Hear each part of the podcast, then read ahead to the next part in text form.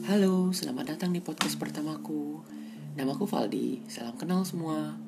Pada podcast kali ini, aku akan mencoba membahas berita viral belakangan ini, yaitu kabar tentang Pulau Jawa yang akan terkena gelombang tsunami yang tingginya sekitar 20 meter pada bagian selatan dan timur Pulau Jawa. Nah, setelah aku membaca beberapa sumber berita, aku menyimpulkan bahwasanya ada miskomunikasi antara masyarakat dengan sumber berita yang dikeluarkan oleh BMKG.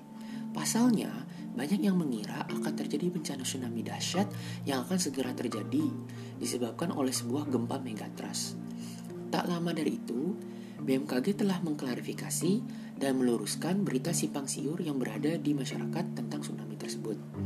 Klarifikasi pertama, yang dimaksud dengan gempa megatrust adalah istilah untuk titik terkuat atau titik pusat dari terjadinya subduksi lempeng saat terjadi gempa bumi. Nah, sayangnya masyarakat memahami gempa megatrust sebagai istilah untuk sebuah gempa yang maha dahsyat. Padahal pengertian tersebut tidak tepat. Singkatnya, yang patut diperhatikan adalah gempa megatrust adalah istilah untuk menyebut titik pusat terjadinya gempa dan bukan sebutan untuk sebuah gempa yang dahsyat. Klarifikasi kedua, pernyataan akan segera terjadinya tsunami setinggi 20 meter di Pulau Jawa. Hal tersebut adalah sebuah pemenggalan informasi berita yang tidak tepat. Pasalnya, BMKG tidak pernah menjustifikasi akan terjadinya tsunami setinggi 20 meter di Pulau Jawa. Melainkan yang mereka nyatakan adalah bahwa ada kemungkinan atau skenario terburuk akan terjadinya tsunami yang diakibatkan gempa di selatan Pulau Jawa.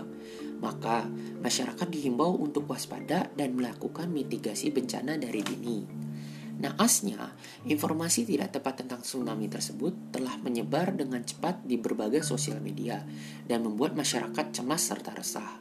Menurut BMKG pun, seharusnya yang patut diperhatikan oleh masyarakat adalah mitigasi bencana dan bukan terfokus pada prediksi akan terjadinya tsunami.